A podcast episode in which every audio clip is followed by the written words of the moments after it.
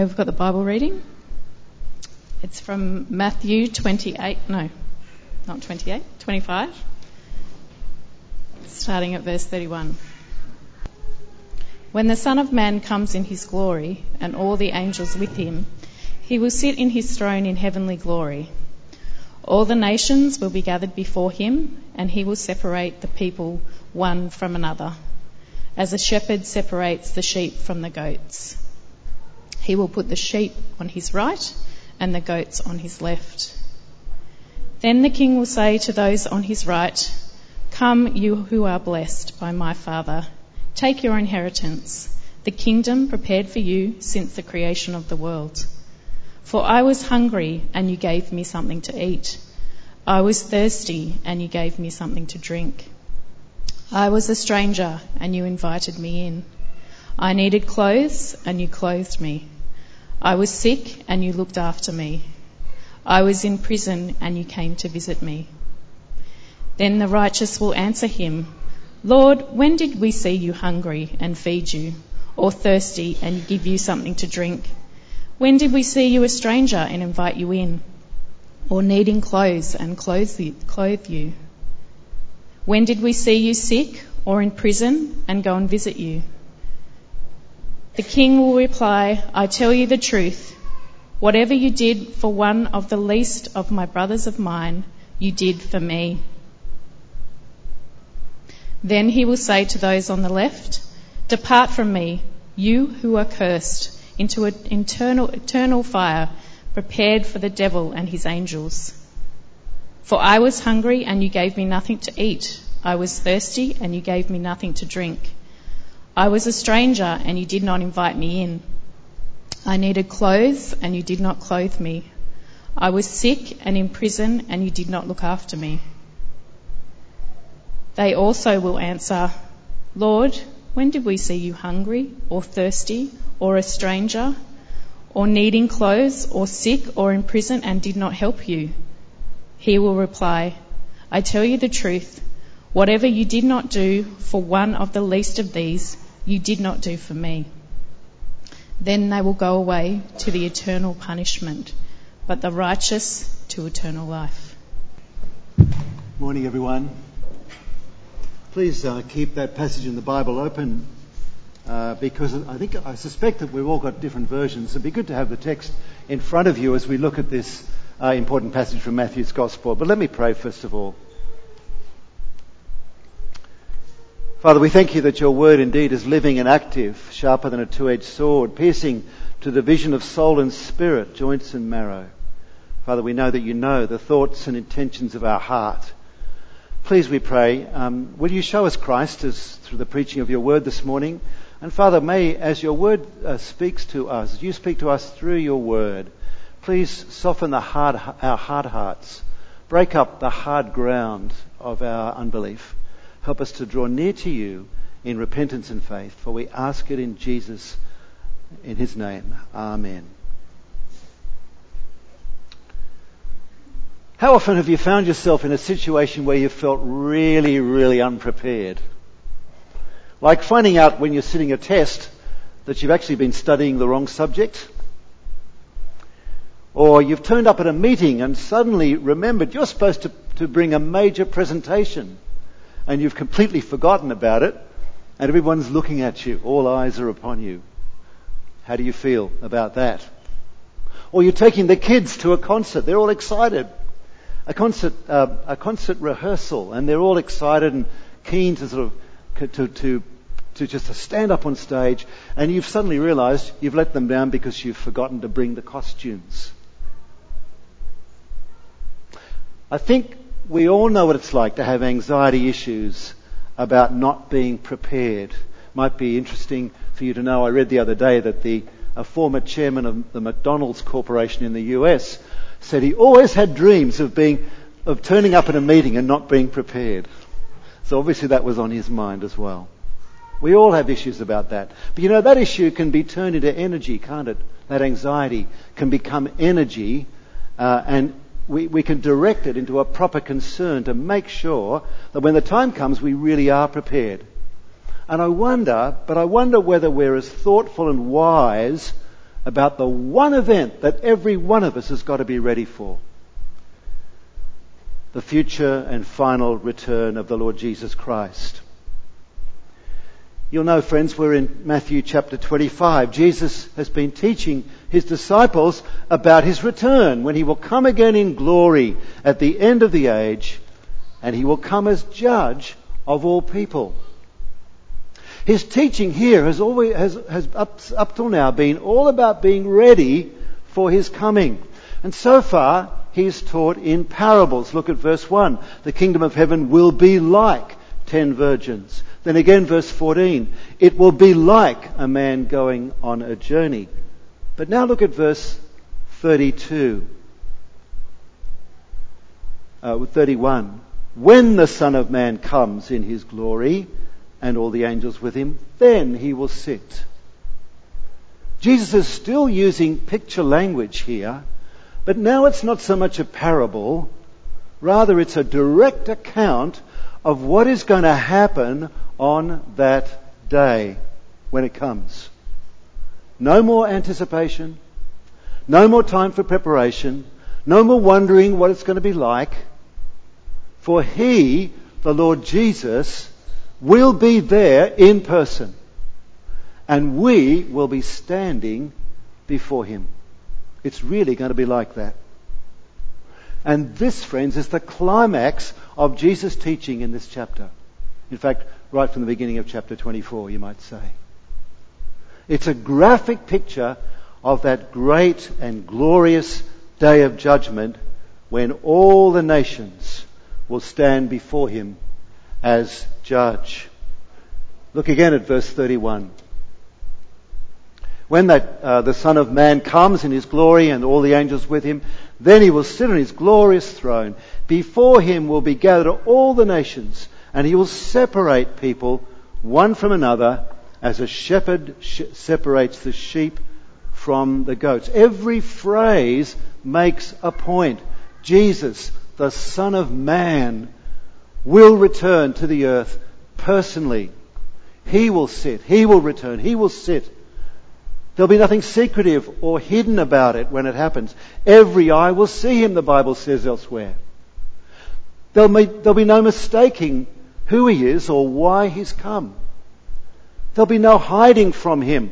In his sovereign power, we're told he will take his throne. That's why we've got to be ready for the coming of the King. We do not know the day nor the hour, but we do know that he could come at any time. His return to this world as judge is, if you like, the next event on God's fridge calendar. And when he comes, verse 32 tells us, he will gather all the nations. And that means every single human being to stand before his throne as he sits in judgment. And then he will separate people one from another as a shepherd separates the sheep from the goats. Now he's picturing here, of course, a typical Palestinian shepherd looking after a mixed flock of sheep and goats. And there's a typical scene, I guess, a bit blurry, I'm sorry about that. He's happy to let the sheep and the goats graze together during the daytime, but at night the shepherd must separate them. Why? Well, that's because the goats need to be huddled together for warmth. But the sheep, of course, have heavier coats. They can cope better with the cold at night. But not only that, the sheep uh, need more protection than the goats because the sheep are the more valuable. So it's a simple picture that he paints here in words. On that day, the king, Jesus himself, will separate people into two distinct groups. The sheep, those who are ready for his coming, he will place on his right. The goats who are not ready, he will place on his left. Now that separation, where it's implied, will be permanent and irreversible. So what will it look like to be ready, to be among those who are ready for Jesus' return, to be on his right? Well, that's what comes into focus right now. Look at verse 34 with me. Then the king will say to those on his right, Come, you who are blessed by my Father, inherit the kingdom prepared for you from the foundation of the world. Now that's, that's quite remarkable, isn't it? If you look at the words. Now, like me, you've probably watched countless courtroom drama shows on TV and got, got hooked on them. You've probably even seen, you've probably even served a term on jury duty. You know how courtrooms work. You know, the defendant is brought forward. A defendant is charged. The charge has got to be proven. A case is made. Witnesses are called. The case has to be argued. And only after that is a judgment made. But there's nothing like that here, is there? It's a judgment scene, yep. But there's no charge to answer. There are no witnesses to be called. The king is simply stating what has already been decided. Those on his right, he calls the righteous ones, he already calls them righteous, are already blessed. They're blessed by none other than the highest authority, God his Father. Blessed by my Father. There's no issue about their destiny. They've only to enter now into the kingdom that's been prepared for them from the foundation of the world. We've got similar wonderful assurances from other parts of Scripture. You know these verses as well as I do. Ephesians 1 and verse 3. Blessed be the God and Father of our Lord Jesus Christ, who has blessed us in Christ with every spiritual blessing in the heavens. He chose us in Christ before the foundation of the world. Grace, grace, grace. To be holy and blameless in his sight. Or listen to Peter in 1 Peter chapter 1. Blessed be the God and Father of our Lord Jesus. According to his great mercy, he's given us new birth into a living hope, an inheritance which we've had from the beginning. Uh, an inheritance kept in heaven for you who are protected by God's power through faith for a salvation ready to be revealed. Now, it's critical that we see this up front. Salvation, forgiveness, life with God is by grace alone. It's never been any different. Through faith alone, it's never been any different. That's the consistent message of Scripture, the persistent message of Scripture, all through the Bible. We are saved only by the grace of God as we place our faith, our trust, our confidence in the only one who can save his people from their sins. Jesus, our Saviour King. This is the Jesus of Matthew's Gospel. And it's the same Jesus who is speaking here. But as we read on, what comes into focus in this passage is that when the saving grace of God comes upon a human life, that life is going to be turned upside down. It's going to be transformed by His grace. We will never remain the same. Look at what Jesus says to those who've already inherited His kingdom. They're the righteous ones, declared as such by Jesus. You see, what He says to them is, or what he makes clear is that they show their faith, they show their readiness by the way they live their lives. Verse 35. For I was hungry and you gave me food. I was thirsty, you gave me drink. I was a stranger, you welcomed me. I was naked, you clothed me. I was sick and you visited me. I was in prison and you came to me. Jesus knows his people. Every single one of them. In fact, he's fully aware of every kind deed, every loving act of mercy, every generous and caring act that they've done for others, and especially to the least of these, my brethren, he says. Nothing has escaped his notice. Every single loving action is remembered, warmly commended by him. This is evidence, you see, that the gospel has taken root in their lives. And look at the way the, the righteous answer. It gets better. Then the righteous will answer, Lord, Lord when do we see you hungry and, and feed you, or thirsty and give you drink? Uh, when do we see you a stranger and welcome you, etc.? When do we see you sick and visit you, or in prison and visit you. The lovely thing about their response, the response of the righteous, is that they're completely oblivious to the significance that Jesus sees in their actions. They've all but forgotten what they might have done. There's no way they could have been doing these things to earn God's favour, their, their salvation, as if they could win God's favour through good works. No. The loving things they've done are nothing more nor less than the fruit of the saving grace already at work in their lives. This is faith working through love, as Paul puts it in Galatians chapter 5. Or as the Apostle James puts it, I will show you by faith by my works. But there's something else here, friends. The other lovely thing is the thing that Jesus says here to the righteous. You see in verse, uh, the next verse, he says that in doing these things, these acts of love for their fellow believers, they're actually caring for, loving Him. They're doing it for Him. They're serving Him. It's not something they were conscious of, no. They said, when do we see you hungry and feed you?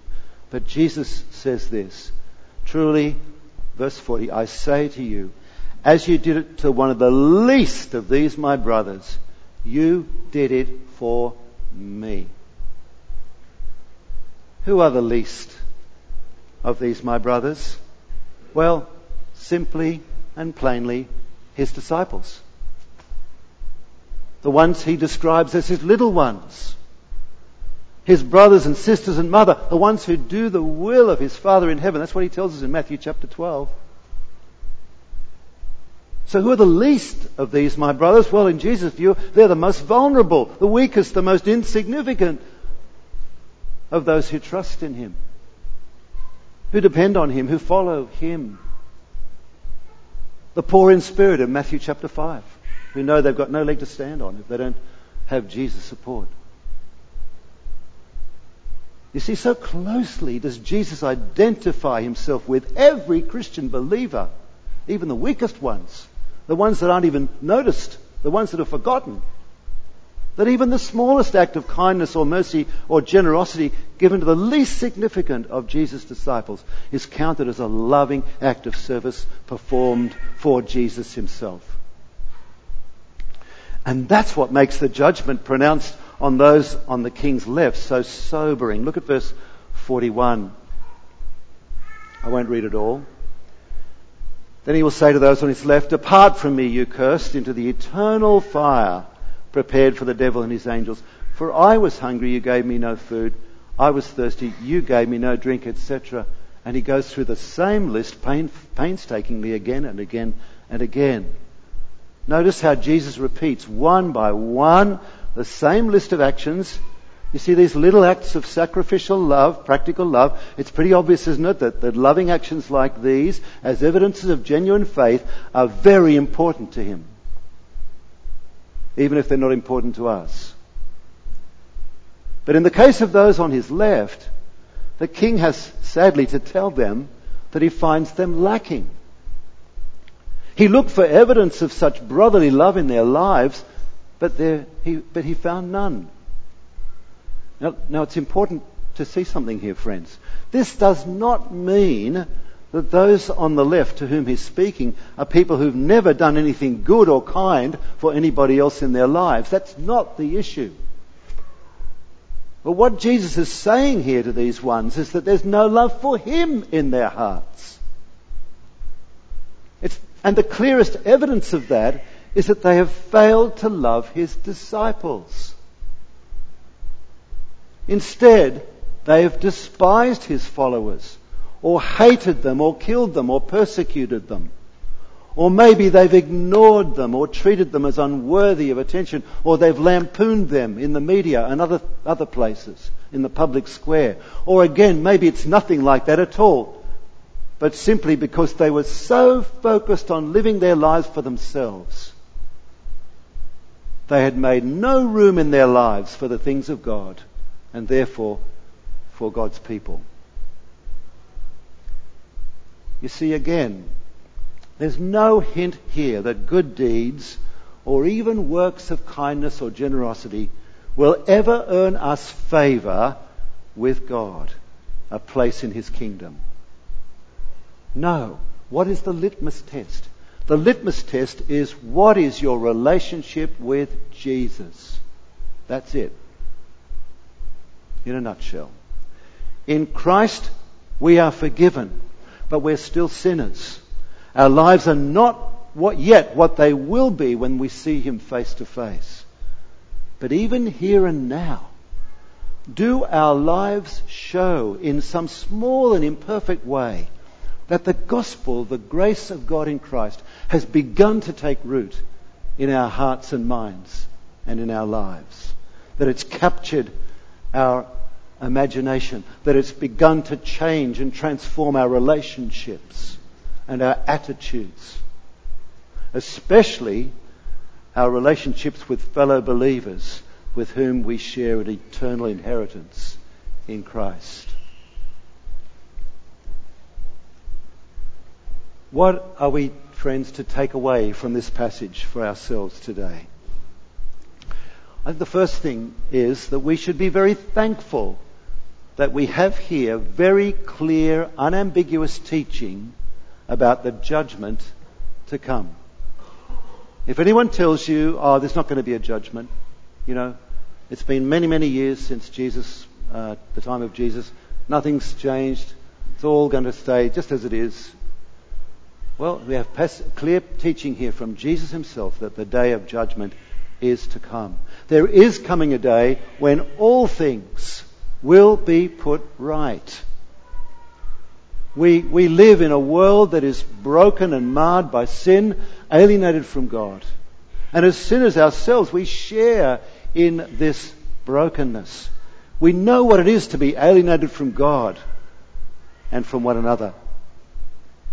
So, friends, I have to say to you, in, very, in all seriousness, if you personally have not yet made peace with God by turning to God in repentance and faith, trusting in Jesus alone for forgiveness, then you're not ready for His coming. And it could be today, it could be tomorrow. That's the sobering message up front, if you like, from this passage. So if that's you, please do not put off turning to God. Please do not put off trusting in Jesus, transferring your confidence from yourself and your own goodness to Jesus and what He has done through His death on the cross, His perfect life and His sin bearing death. But if you're a believer, if, the, if you're reconciled already to God through faith, and if we're reconciled to one another in Christ, then this passage gives us hope even as we struggle today with evil and suffering. The clarity of the Bible's teaching reminds us that there is a purpose to this world and all its uh, comings and goings. Our God is sovereign. He is in control of all things. We can trust Him to make all things right at the end. And I want to suggest finally that there are three very significant takeaways here for us as disciples of Jesus. Uh, what Jesus is teaching here helps us as disciples is to encourage each other, to love one another, and to glory in the cross. That is, to trust only in the saving grace of God in Christ, that we will be welcomed by Him on that day. Let's look at these things in turn.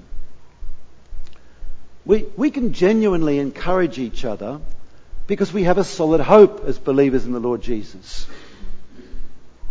And this passage reminds us of that. We share in an imperfect world alongside those who are suffering, or we suffer ourselves in an imperfect world. We can cry with our friends and colleagues as they cry to us, Why is this happening to me? We can hear what they're saying because we share that same cry, don't we? We don't arrogantly claim to know the answers. But on the strength of the clear teaching of Scripture, on the strength of the solid truths of the gospel, the death and resurrection of our Lord Jesus, we can stand alongside a brother or sister in Christ and we can cry out to God with them, How long, O Lord? How long, O Lord? We don't avoid the hard questions. We don't stay away from suffering friends and refuse to visit them. No, we visit them and come alongside them. But as we do come alongside, we're able to listen and care and point them to Jesus and his promises.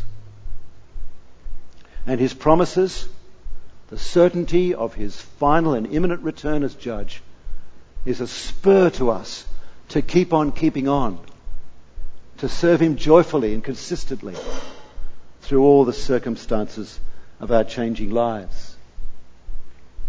And we learn in this passage too how important it is, how precious it is to our Lord Jesus when we love one another. We've talked a bit about that even in the service today. By loving one another as Christ's people, we're serving the Lord Jesus himself. Remember, I won't go through it again, verse 35, 36, when I was hungry, he gave me food. You, you, you gave me food. When I, when I was in prison, you visited me. On the night before he went to the cross, Jesus told his disciples to love one another even as I've loved you. By this will all men know that you're my disciples, if you have love for one another. And it's true, isn't it? The world is constantly amazed and shocked by the loving actions of Christian believers. I can't believe these Christians, they pray for their persecutors. They care for those who hurt them and kill them. They forgive their enemies, those who wrong them. It is truly disarming. And often the, the watching world is prompted to ask why? What motivates such behavior? Who is this Jesus whom they talk about? For whom they're willing to give up their lives? Well, what about us? Do we remember our persecuted brothers and sisters in prison who suffer at the hands of their oppressors simply because of their faith in Jesus? Do we identify with them, standing with them in prayer, pleading with God to strengthen them with His hope and His joy, and to bless their testimony? Do we look for ways of meeting their material needs? You know, through support agencies like Open Doors or Barnabas Fund.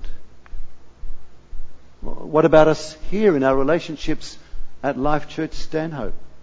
Are we known for our love? Love for one another reaches out beyond us to our neighbours and into our community. Paul encourages us as brothers and sisters in Christ to bear one another's burdens to share our lives with one another, to weep with those who weep, and rejoice with those who rejoice. And we do not do this as a way to make God pleased with us, as if we could ever do that. Still less to draw attention to ourselves. But surely this passage teaches us how simple, unself-conscious acts of love done for the least significant disciple, fellow disciple, in the world's eyes, not in Jesus' eyes, is noticed by our Lord Jesus. In his eyes, it's an unmistakable mark of true faith in him. And finally, this passage teaches us to glory in the cross of Christ. That is, to hold fast our confidence in Christ alone. Now, we have to see this, we have to step back a wee bit from the text and look at it in a larger context. When we read the Bible, friends, the context of the passage we're reading is extremely important. We have to think about where it sits in the Bible, what comes before, what comes after. And it's no accident that this passage in Matthew 25, at the end of the chapter, wraps up Jesus' teaching in the whole of this Gospel of Matthew. We remember at the beginning how Joseph was told that the child to be born of Mary would be the one who will save his people from their sins. And as we've seen, the reality of the coming judgment makes us understand why we need that salvation. How serious our situation is. How deep our sinfulness is and how serious it is in God's eyes and that it merits his just judgment. We are sinners in the eyes of a holy God. And unless we're saved by God from our sins, we face a horrible and terrible reality, an inevitable reality God's just judgment. But thanks be to God that in Christ our salvation has been secured. Look at the text again with me. In verse 31, it is as the Son of Man that Jesus comes, that glorious kingly figure, the Son of Man. But take a look with me at what follows now, immediately after this passage in Matthew chapter 26. When Jesus had finished these sayings, he said to his disciples, You know that after two days the Passover is coming, and the Son of Man will be delivered up to be crucified. Do you see? It is the same glorious Son of Man who now goes to his suffering and death on a cross. This is the same Son of Man who has just taught his disciples about his future coming in glory as judge of all humankind. But here he is now going in chapter 26, going meekly towards his suffering and his death on the cross. That's because it'll be on that cross and in that death that his glory will most clearly be displayed. It'll be through his death on the cross as our substitute that he will defeat sin and death and bring salvation to his people, to all who put their trust in him. So as we read this passage in Matthew 25, as we see Jesus' scrutiny of the lives standing, of those standing before him in judgment, it is easy to feel completely inadequate. We wonder whether if Jesus were to return today, would our lives, would my life stand up to his scrutiny?